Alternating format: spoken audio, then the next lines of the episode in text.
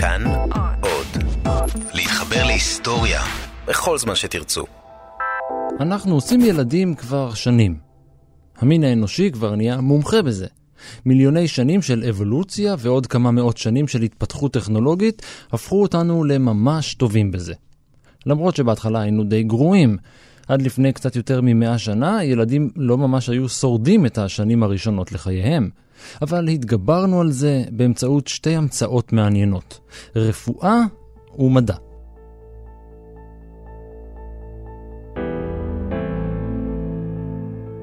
לא רק שילדים שנולדו נאלצו להתמודד עם עולם מלא בסכנות שרק רוצות לחסל אותם, גם לאם היולדת הסיטואציה לא הייתה משהו. אולם גם שיעור הנשים שמתו בלידת ילדיהן הלך ופחת עם העידנים, גם כאן הודות לרפואה.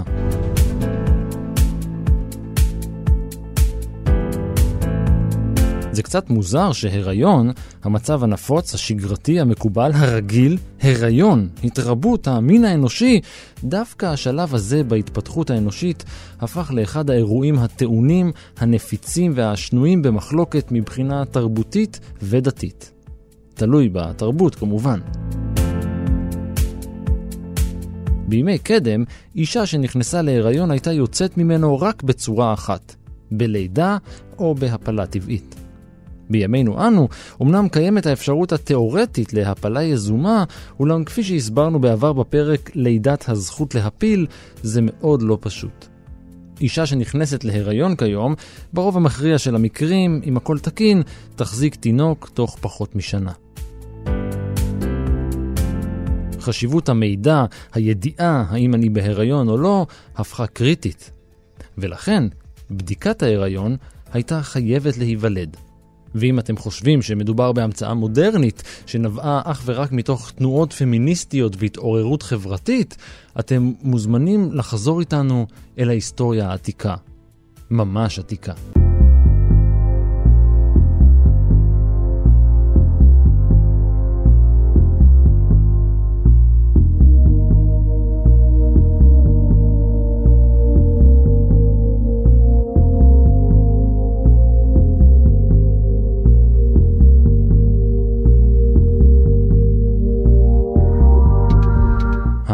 אני רן מנהר ואתם על מנהר הזמן. מדי פרק אנחנו מספרים לכם על מקרה שקרה בעבר מזווית שכנראה עוד לא הכרתם. הפעם אנחנו יוצאים אל ההיסטוריה של בדיקת ההיריון, על הקשר לחיות, על השיטות הראשונות, על הקשר לחיטה, ולמה זה תמיד קשור בלעשות פיפי על משהו.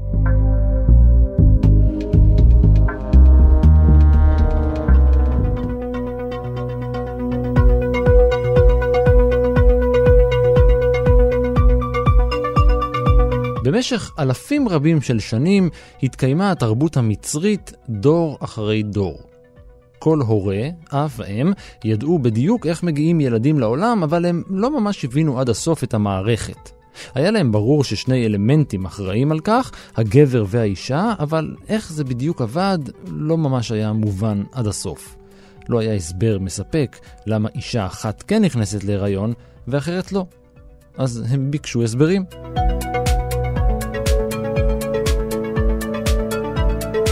הידע הפופולרי בנוגע לתרבות המצרית לוקה בחסר. התפיסה הרווחת בנוגע למצרים העתיקה מציבה את הפרעונים כפרימיטיביים, כפגאנים, עתיקים. אבל ככל שמעמיקים בידע, בעדויות הארכיאולוגיות, וככל שנוברים במדע שנקרא איג'יפטולוגיה, מגלים כי מצרים העתיקה הייתה תרבות מתקדמת מאוד. הם השתמשו במדע בלי לדעת שהוא מדע. כך למשל, כדי לבדוק אם אישה מסוגלת להיכנס להיריון ולהביא לעולם צאצאים, היא נאלצה להחדיר אל האיבר הפרטי שלה שן של שום. אם למחרת היה להבל פיה ריח של שום, היא נחשבה לאישה פוריה. אותו הדבר אגב עבד גם עם בצל.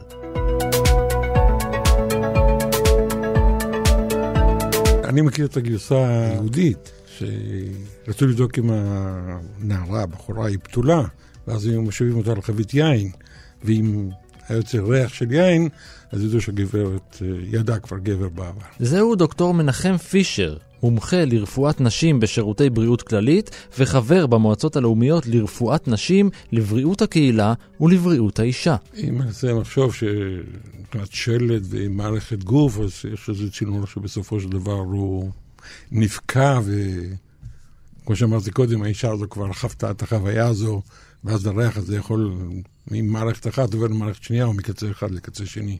המצרים האמינו שהוושט, פי הטבעת והרחם, כולם מחוברים ישירות אל חלל הבטן, ויותר מזה, מחוברים זה לזה. ולכן, אם ריח השום או הבצל לא עבר לה על האישה מלמטה למעלה, משהו כנראה מפריע לו בדרך, והמשהו הזה כנראה גם ימנע ממנה להיכנס להיריון. אז רק כדי להבהיר, כן? המערכות האלה לא מתחברות בבטן. מערכת העיכול, שמתחילה בפה ונגמרת אי שם באחוריים, היא אכן צינור אחד ארוך, אבל הקשר שלו למערכת הרבייה לא קיים.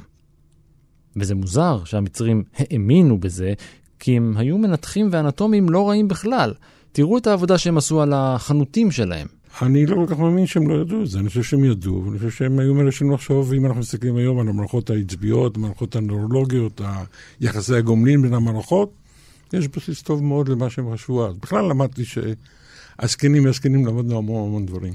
הייתה שיטה שכתובה שהם היו אה, לוקחים שתן של אישה רעה והיו מרטיבים אה, שק של צהרה או שק של אה, חיטה, ואם אה, אחד מהם היה נובט, היו יודעים שהאישה הזו כנראה הרע. עוד רגע נחזור לשיטה הזאת.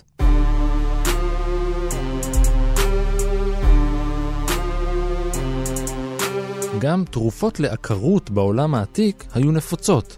למשל, החדרת תמר לנרתיק, או שפשוף הבטן והירכיים בדם של מחזור חודשי, חומר שנחשב כבעל כוח חיים חזק מאוד, והיה בשימוש בהרבה מקרים. זה, זה עד היום, אנחנו, אני באתי לפה ואנחנו מדברים על היסטוריה, אבל אני חי, אני חווה את החוויה הזו היום בגליל, שאנשים אה, אה, עקרות, ש, שבאות ושואלות אותי שאלות של הדודה אמרה ככה והסבתא אמרה ככה ולאכול דבש והן יכולות לאכול שום אפילו בלי לארח את, ה, את השום אז ויש גם היום המון המון עצות שנשים באות אליי ואני לומד מהם ולפעמים זה מצליח, כי לפעמים זה מצליח. התרבות המתקדמת ששגשגה לאחר המצרים ובמקביל לה הייתה זו היוונית. הם שאבו הרבה מהרעיונות הפילוסופיים, התרבותיים והמאגיים מהמצרים, ואחד מהדברים האלה היה האמונה בחיבור של כל הצינורות שלנו בתוך הגוף. ליוונים הייתה שיטה משלהם לבדוק אם אישה פוריה. הם היו מורחים על צווארה ועל החזה שלה שמן לפני שהלכה לישון, ואם בבוקר היא נראתה מלאה חיות, בריאה, וכלי הדם שלה מתוחים ובריאים, היא נחשבה לאימא בפוטנציה.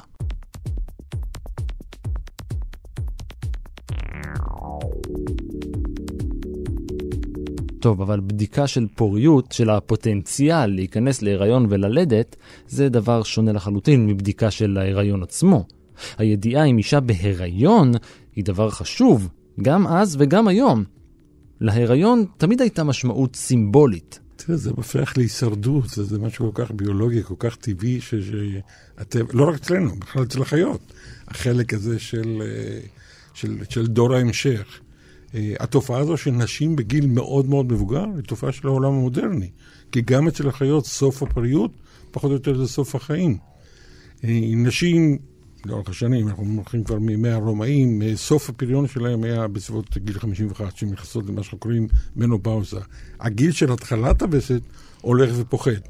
אם אצל האימהות שלנו, סבתות שלנו היה יותר מבוגר ממך, גיל התחלת המחזור, מנרכיה, בשפה שלנו היה בגיל 14-13, היום זה מתחיל 11-12. סיום הפוריות כבר מימים עתיקים, תמיד היה בסביבות גיל 50-51, ופחות או יותר גם זה היה סוף החיים. בעולם המודרני, גיל ממוצע של נשים חיות היום 84. שליש מהחיים שלהם זה מעבר לגיל הפריון. כלומר, זו תופעה עכשווית, לא תופעה שהייתה מוכרת. כל הנושא של פריון הוא, הוא קרדינלי. ציטוטים מהתנ"ך, על אה, אם לא יהיו לי בנים, אני לא אחיה, אני לא צריך להגיד לך, ובכל אה, בכל תרבות החשיבות הפונדמנטלית הזו של, של דורות המשך. וככל שהיריון מתברר מוקדם יותר, ככה זה היה טוב יותר. כי אם זה לא הריון, זה סיפור אחר לגמרי. אם זה הריון, אתה צריך להתחיל לחפש אותו. ולחפש אותו, לדעתי זה בתוך הרחם מחוץ לרחם. דיברנו על עקרות, נשים, טיפולי עקרות או בעיות פוריות, הם בקבוצות סיכון גבוה יותר להיריון מחוץ, אה, מחוץ לרחם. אתה באולטרסאונד יכול לראות, באולטרסאונד משוכלל מאוד, תלת-מימדי, אתה תראה את זה ברמה של 500, 600. באולטרסאונד אחרים, 800. זאת אומרת, אתה צריך, ברגע שיש לך את הרמה, אתה כבר יודע מה לצפות בבדיקת אולטרסאונד. וההבחנה של הריון, חוץ מקליניקה תמיד, של תוך רחמי או חוץ רחמי, היא על ידי אולטרסאונד, להסתכל, למצוא את השק, את השק ההריוני, זה אתה כבר מוצא בערך בשבוע חמש, או לקראת שבוע חמש שק ההריוני, וכמה ימים אחרי זה שק החלמון. ברגע שאתה מוצא בתוך הרחם, אתה בצד הזה של השולחן יותר רגוע. האם יכול להיות הריון חוץ רחמי ותוך רחמי ביחד? אחת לשלושים אלף, מאוד מאוד נדיר. כך נולד נוהג של בדיקה. והשיטות לבדיקת הריון היו, איך לומר, מקוריות.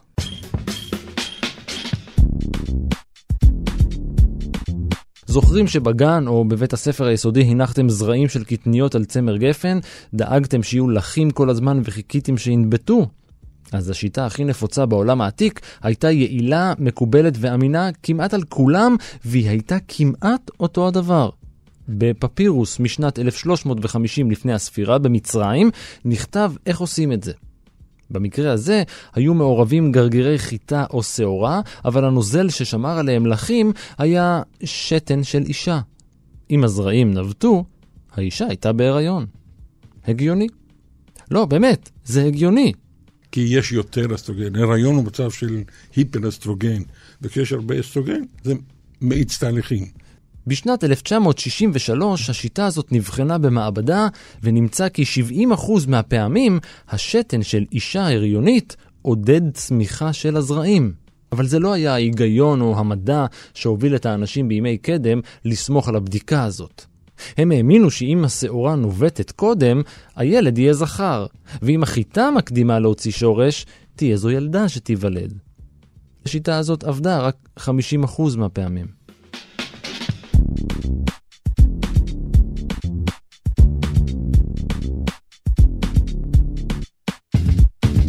טוב, אז בניגוד לשיטת השתן שמקובלת עד היום, שיטה אחרת לבדוק את מצב הריונותה של אישה הייתה מאוד לא יעילה ולכן גם לא פופולרית. זה קצת מגעיל, אז סליחה מראש. אישה שרצתה לברר אם היא בהיריון ולא הרגישה את זה לבד, הייתה צריכה לשתות מחית מלון מעורבבת בחלב אם של אישה שילדה תינוק. זכר. אם הדייסה הזאת גרמה לה להקיא, היא הייתה בהיריון. בינינו, גם גברים היו מקיאים מזה.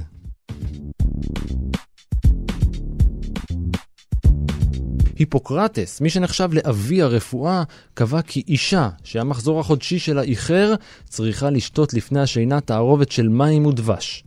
ואם הבטן הייתה תופחת ולא כאבי בטן, אז אה, זו הייתה עדות לכך שהאישה בהיריון.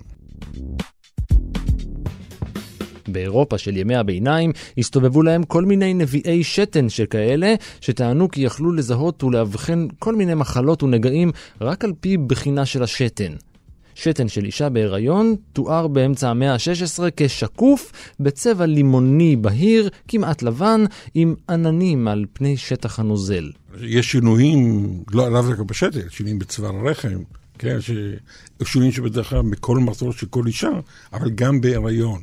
נדמה לי שאחת הדוגמאות היפות של סטודנטים מהר מאוד מבינים, כשאתה רוצה להשוות בין צוואר רחם אצל אישה הרה ואישה שלא הרה, אז צוואר רחם של אישה שלא הרה הוא דומה, אתה נוגע בו במגע הוא כמו האף, וצוואר רחם של אישה הרה זה כמו השפתיים. כי הוא עשיר בכלי דם והוא מתחיל להיות טיפרמי. בכלל, כל המערכות, אם יצא לדבר, זה שהמערכת כולה בנויה כדי לשרת את המטרה הזו של דור המשך. וכל מה שיהיה, כל מה שנדבר היום, נמצא איזה הקשר, איך זה משרת את זה.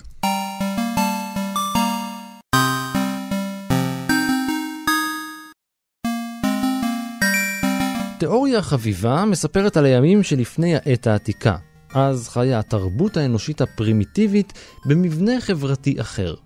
לפי התיאוריה, אי אז בפרה-היסטוריה, האנושות חיה בחברה מטריארכלית. הנשים היו הכוח החזק והשולט תחת עיניה של האלה הגדולה. ואז, אז קרה אסון. אולי הכתבים נמסו ומפלס המים עלה, אולי מטאור פגע באזור, לא משנה מה זה היה, התרבות ההיא נפגעה קשה. כתוצאה מהאירוע המכונן, אומרת התיאוריה, התרבות האנושית עברה שינוי, ומשלטון נשי עברה באופן אקטיבי, יזום ומכוון למשטר גברי, פטריארכלי. וככה נותרו הנשים תחת השלטון הגברי במשך אלפי שנים עד סוף המאה ה-19. כי אז, בשנת 1837, הגיע הפילוסוף הצרפתי והסוציאליסט שרל פוריה וטבע את המונח פמיניזם. היום לפני, בדרום ארצות הברית, כל הנושא הזה של, של ההפלות, ממשלות נופלות וקמות, זה בספרד נפלה, אז הנושא הזה מאוד מאוד מאוד, הוא חלק אה, קרדינלי ב, ב, בכל קהילה. בארצות הברית יש הבדל מהותי בין הרפובליקאים לדמוקרטים, וכל אחד מביא את הגישה שלו, מאז אותו חוק של 73 של אה, חוקיות שבהפלה. אבל כתבתי מאמר לפני, אני חברים, על ההיבט הפוליטי בכלל של הפסקות הריון. יש לזה הרבה הרבה מעבר, והפמיניזם, כשאני מסתכל על זה, זה, זה, זה חלק מזה, זה חלק מה... השימוש בכלל, הכניסה בכלל של, של אמצעי מניעה שהפרידו בין המיניות ובין ה... אפשר לחגוג מיניות ולא לא להיות בהיריון, זה לא אקט שקשור אחד, אחד בשני. זה לא היה פשוט, הכנסייה לא אפשרה את זה. הגלולה שנכנסה, הגלולה הראשונה, הנובית, שנכנסה ב-1961, הותרה לשימוש להסדרת מחזור, לא למניעת הריון, אסור היה כמעט לדבר על זה. לקח הרבה זמן עד שזה נכנס כחלק, זה... אבל גם השינויים בארץ בפוליטיים. כל נושא של ועדות הפסקת הריון, תלוי פוליטי. הסעיף הזה שהיה פעם סעיף שמרצ הכניסה של זכות האישה לעשות הפסקת הריון, ירד. היום אין לה את זה, היא צריכה סיבה רפואית כדי לעבור הפסקת הריון. הפמיניזם המודרני הגיע לעולם המערבי בגלים. הגל הראשון הגיח עם תנועת הסופרג'יסטיות בסוף המאה ה-19 ותחילת המאה ה-20. הם דרשו את הזכות להצביע בבחירות. הגל השני הייתה התנועה לשחרור האישה שהחלה בשנות ה-60. הן דרשו שוויון זכויות לנשים, והגל השלישי, שהחל בשנת 1992, התרכז בזכויות הפרט ובשונות. הגל הרביעי, שהגיע בשנת 2012, עשה כבר שימוש במדיה החברתית כדי להוקיע הטרדות מיניות ואלימות כלפי נשים. אתם מכירים את הגל הזה כתנועת מיטו.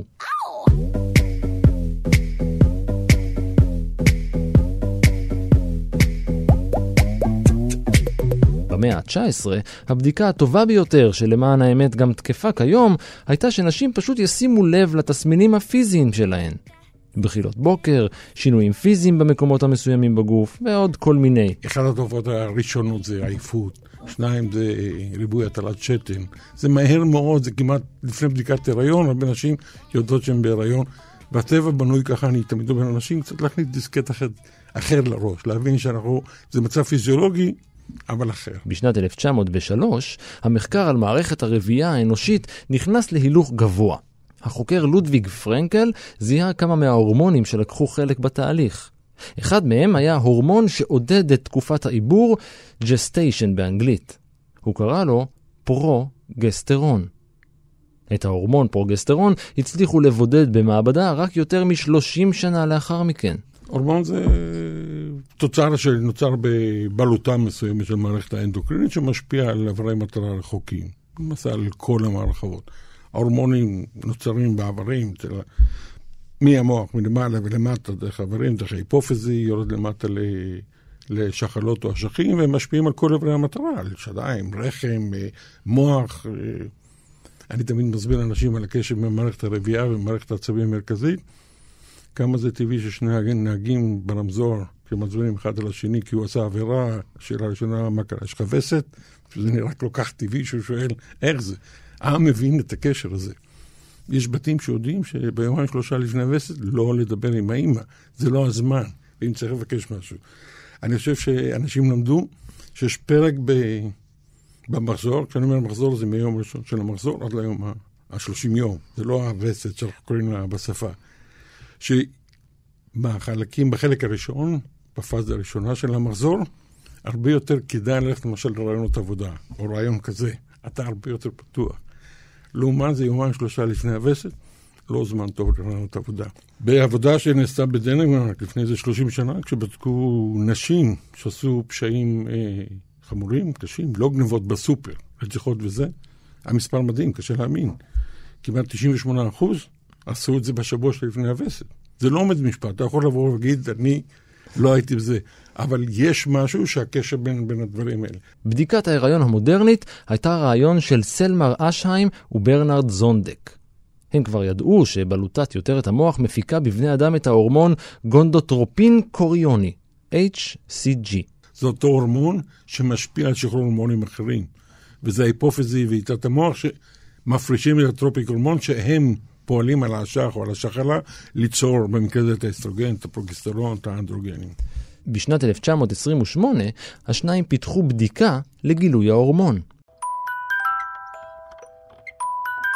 אבל בשנות ה-30 גילתה דוקטור ג'ורג'יאנה ג'ונס שההורמון HCG בכלל לא מיוצר ביותר את המוח, אלא הוא תוצר של השלייה.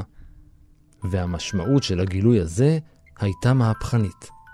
אם ניתן לזהות את ההורמון HCG בבדיקה, ניתן לגלות הריון בשלבים המוקדמים ביותר שלו. אבל הבדיקה עצמה הייתה הליך קשה וקטלני. לא לנשים, אלא לבעלי חיים.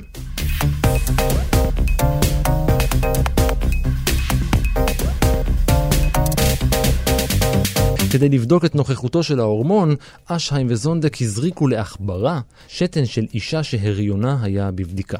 זו הייתה עכברה צעירה, שעדיין לא התבגרה והתפתחה, היא עדיין לא הייתה בשלב הפורה של חייה. אם השתן של האישה הכיל את ההורמון HCG, זה היה צריך לבוא לידי ביטוי בגופה של העכברה. ולכן, אחרי פרק זמן קצר, הומתה העכברה ונבחנה מבפנים. אם ראו החוקרים כי התפתחו אצלה שחלות, סימן שההורמון היה קיים, והאישה אכן הייתה בהיריון. אותה בדיקה בדיוק נערכה גם על ארנבות צעירות.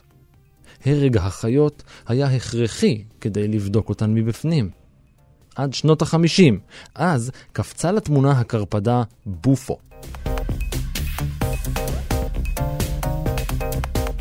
בופו הייתה קרפדה, ומה שהיה שונה בה היה שהיא לא הייתה צריכה למות כדי לעזור לגלות אם מישהי בהיריון.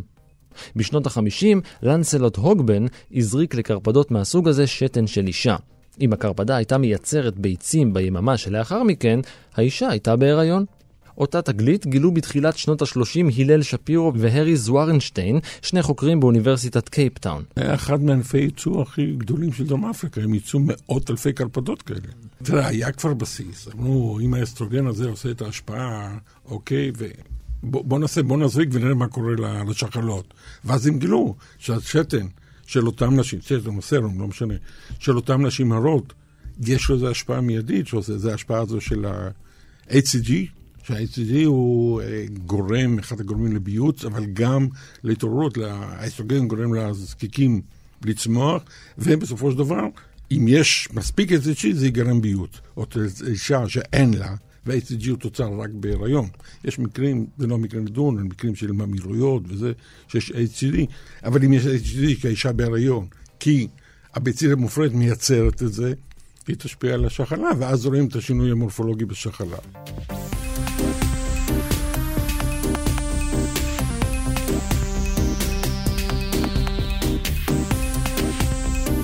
עשור לאחר מכן, בשנות ה-60, הומצאה בדיקה מבוססת על מערכת החיסון, עם פיתוח בדיקת מבחנה לבחינת קרישי דם.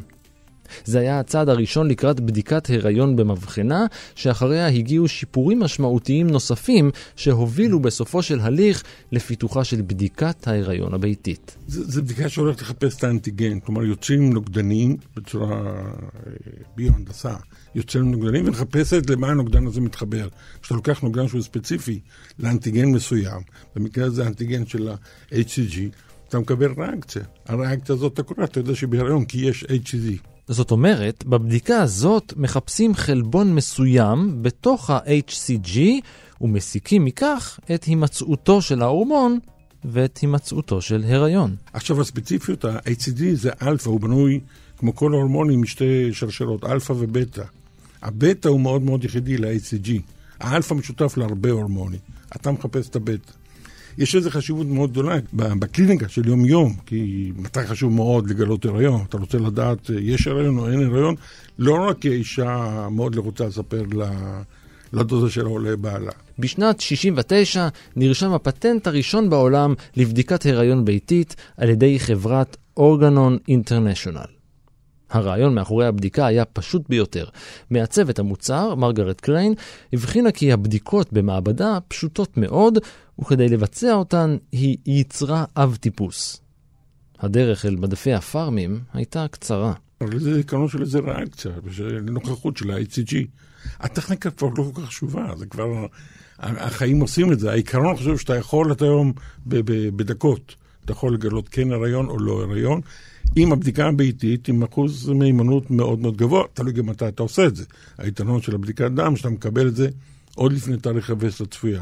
אם כל הנשים היו עושות בתאריך של הווסט הצפויה בדיקת בטא, היית מגלה שיש הרבה יותר הריונות ממה שידעת. זו לא הערכה לבדיקת הריון שאתם מכירים. שנתיים אחרי שיצאה אל השוק, בדיקת ההיריון הביתית הגיעה לקנדה.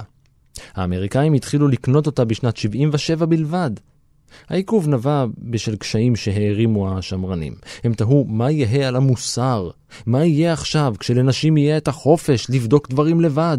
כי אחד, עלו כל מיני שאלות אתיות, אמרו אנחנו נותנים פה מתירנות לאישה, ושתיים, זה הגילדה של הרופאים, כי פתאום דיברנו על פמיניזם, פתאום האישה לא צריכה את הרופא בשביל לגלות שהיא בהיריון, והאישה כבר פתאום הופכת להיות אה, בעלת בית. היא בבית, אומרת, היא לא צריכה את.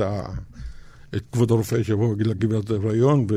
בשנת 78, שנה אחרי שהאמריקאיות החלו להשתמש בבדיקה הביתית, יצאה אל השוק בדיקה נוספת שמבוססת על זיהוי של ההורמון HCG. גם זו לא הבדיקה שאתם מכירים כיום. בשנות ה-70 פותחה בדיקה חדשה, פשוטה וזולה, המבוססת על זיהוי של חלבונים ספציפיים. זה נורא פשוט, אני לא, לא כימאי ולא לברן, אבל מה שאתה מחפש, אתה מחפש את הנוכחות של האנטיגן הזה. ולא משנה הדרך שאתה מוצא אותו. ברגע שאתה מוכיח, HCG זה הריון. הערכות לבדיקת הריון כיום כל כך זולות, שהן מיוצרות בייצור המוני במפעלים. ועדיין, צריך לעשות עליהן פיפי.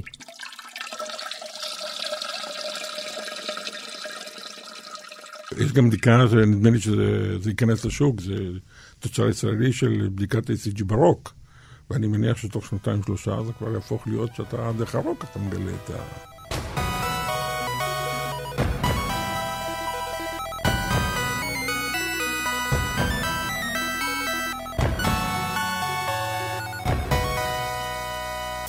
אני כשהייתי סטודנט שנה ראשונה, חזרתי, התחלתי לימודים באיטליה, גמרתי אה, בחיפה.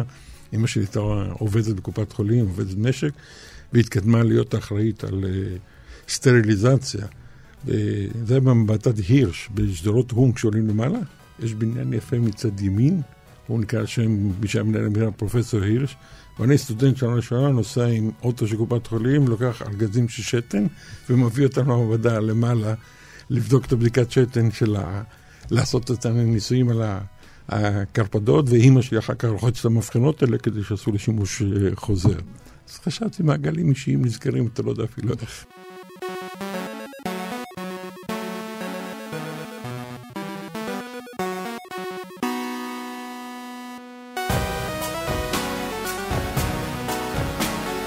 ועד כאן מנהר הזמן להפעם. תודה למנחם פישר. ספר הזיכרונות שלו, חיבה, יראה אור בקרוב. תודה גם לאור מנהר שניסה לבייץ והיה על ההפקה, ולניר גורלי שזיהה הורמונים והיה על העריכה. עוד סיפורים מן ההיסטוריה ופרקים אחרים של מנהר הזמן מחכים לכם כל העת באתר שלנו, באפליקציה כאן אודי, בכל יישומון הסכתים אחר וגם בספוטיפיי. חפשו ברשת מנהר הזמן. אתם מוזמנים להמשיך ולעקוב אחריי ברשתות החברתיות, בפייסבוק ובטוויטר, להגיב, להציע רעיונות ובעיקר להתחבר. אני ערן מנהר, נשוב וניפגש בפרק הבא.